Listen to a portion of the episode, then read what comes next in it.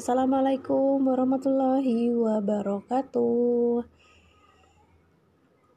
Luruskan hadir kembali setelah kemarin episode pertama di podcast podcast podcast Khalifah yang akan membahas perkembangan Muslim dan Islam di seluruh dunia dari masa ke masa bersama saya Nani Andari selama 10 menit ke depan kurang lebih insya Allah kita akan membahas pertama-tama. Marilah kita panjatkan dulu puji syukur kehadirat Allah subhanahu wa ta'ala yang telah melimpahkan rahmatnya hingga hari ini kepada kita semua sehingga hari ini kita umat Islam sedang merayakan Idul Adha. Selamat Idul Adha buat kamu buat yang merayakan Hari Raya Idul Adha. Salawat dan salam semoga selalu tercurah kepada junjungan kita Nabi Muhammad Sallallahu Alaihi Wasallam. Oke, melanjutkan lagi salah yang kemarin kan diluruskan. Kemarin udah bahas soal Allah itu eh bukan bukan Allah ya kemarin masih ngomongin soal tiga pertanyaan dasar dan apa? Tuhan ya Tuhan itu ada. Lantas siapakah Tuhan itu? Siapa Tuhannya gitu ya? Sebenarnya kemarin itu di kemarin-kemarin episode sebelumnya ini udah dibahas nih. Sebenarnya udah dibahas nih udah ada di kemarin cuman diulangin lagi deh biar makin ngelotok dan ya cepat aja sih kita ya mengulanginya dengan cepat aja.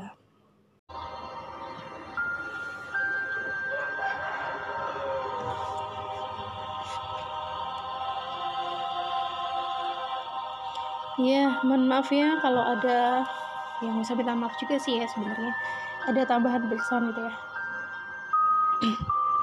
Dari ayam jantan. Jadi maka siapakah Tuhan kita. Siapakah Tuhan kita?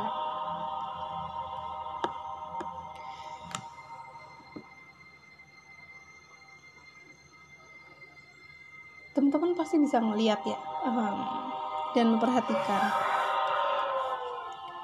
bagaimana kehidupan ini ada di sekitar kita. Dunia ini sifatnya kayak gimana sih lemah. Bisa punah. Bergantung. Terus kematian ya ada kematian.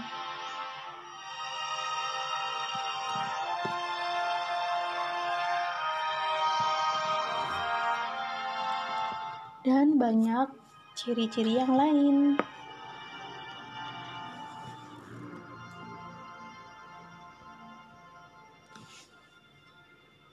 Manusianya misalnya ceroboh, kemudian hmm, membutuhkan orang lain, ya kan?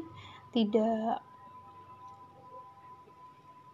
tidak abadi dan bisa mati tentu saja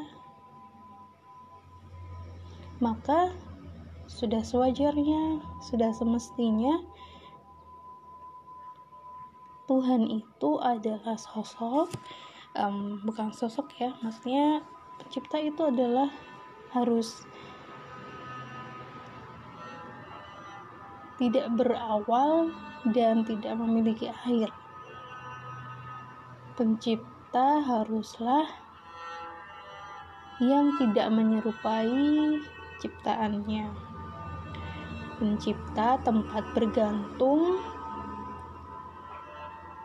kuat, bahkan super kuat, tidak lemah, tidak mati. Ada, tidak mungkin tidak ada.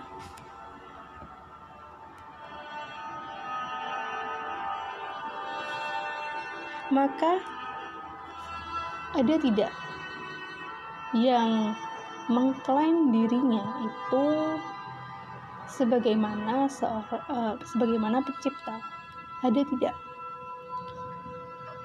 Apakah itu Nebukadnezar atau Namrud? Ataukah dia Firaun yang menyatakan dirinya adalah seorang Tuhan?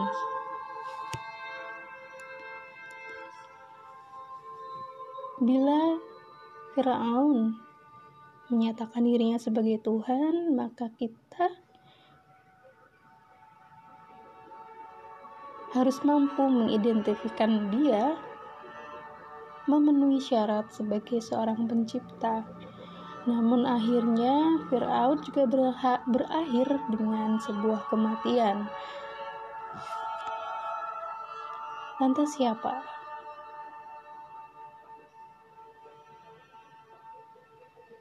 Siapa zat yang mengklaim dirinya adalah Tuhan? Dialah Allah.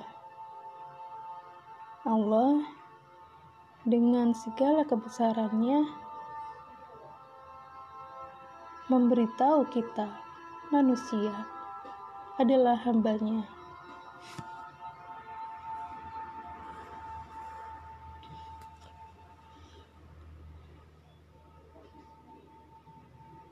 Dalam Al-Quran dijelaskan penciptaan Adam sebagai manusia pertama.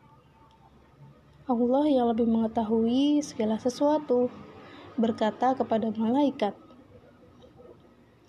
Aku akan menjadikan manusia di bumi. Masya Allah. Kemudian Allah juga berfirman di dalam Quran surat At-Zariyat di ayat ke-56.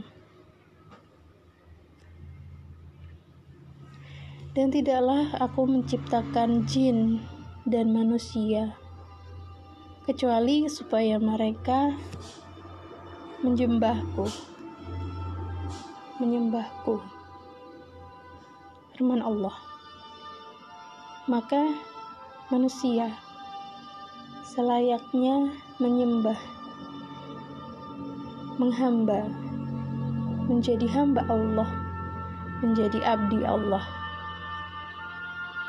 Sehingga hidup di dunia ini tidak lain hanya untuk melakukan perintah-perintah Allah dan kepada larangan Allah kita selayaknya menjauhi dan membencinya. Membenci, menjauhi larangan Allah.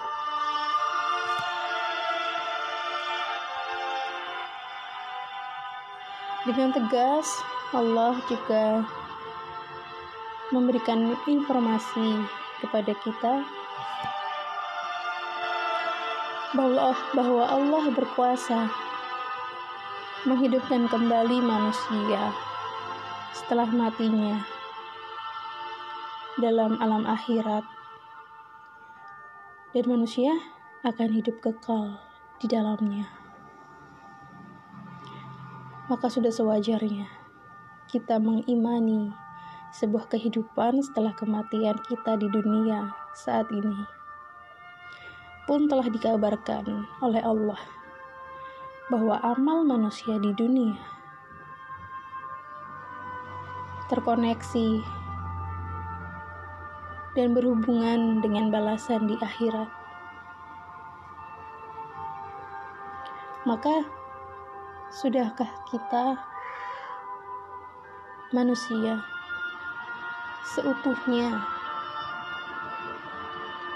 mempersiapkan diri kita dengan 100% keimanan hanya kepada Allah melakukannya. Sudahkah kita mengimani Allah sebagai satu-satunya pencipta yang ada dan pernah ada di dunia? Satu-satunya pencipta yang menciptakan dunia dan tidak terbalik.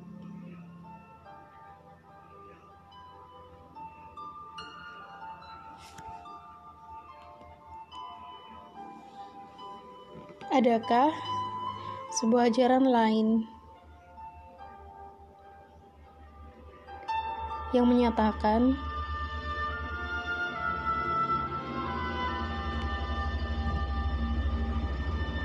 pencipta yang keberadaannya lebih baik daripada Allah?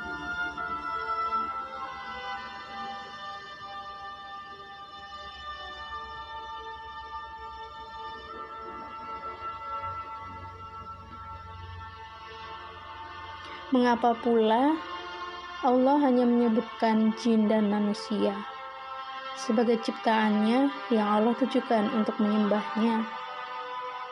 Tidakkah malaikat disebutkan? Jin dan manusia diberikan oleh Allah nafsu berbeda dengan malaikat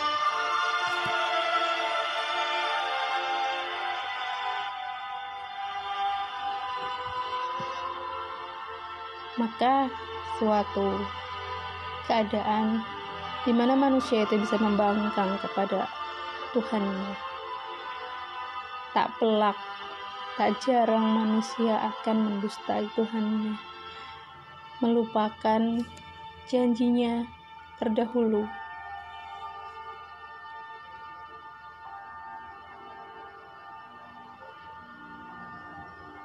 Janjinya yang berkata kepada Allah, dirinya memilih menjadi manusia yang akan diturunkan ke dunia, yang akan menanggung beratnya Al-Quran.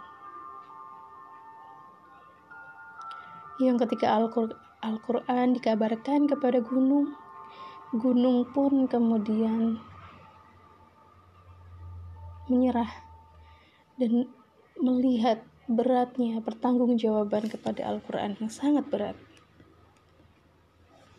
Gunung pun heran kepada manusia bagaimana mungkin berani menanggung hal tersebut. Ya, selayaknya manusia amat mudah untuk mendustakan Allah sebagai Tuhannya.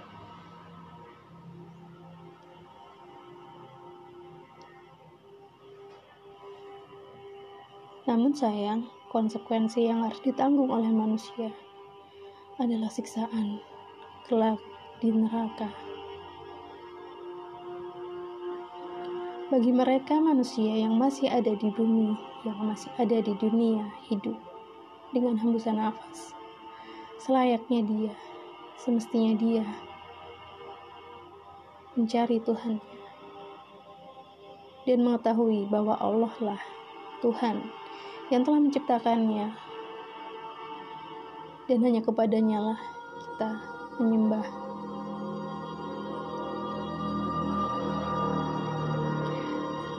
Sebuah muhasabah sebuah kontemplasi bagi diri saya. Untuk mengingatkan lagi diri, diri saya tentang apa tujuan saya di dunia ini. Menemukan kembali dan mempersatukan kembali pemikiran saya menjadi tauhid yang satu mengingat kepada Allah mengingat hanya kepada Allah lah. Kita menyembah memohon ampunan dan mengaturkan doa-doa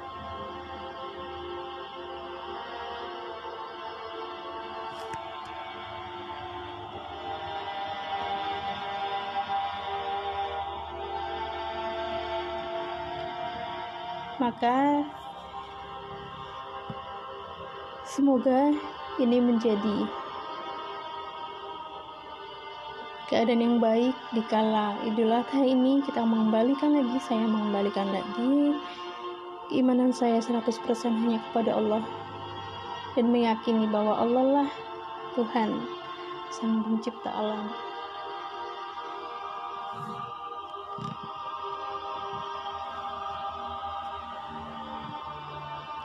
dan meluruskan kembali ketauhidan kita.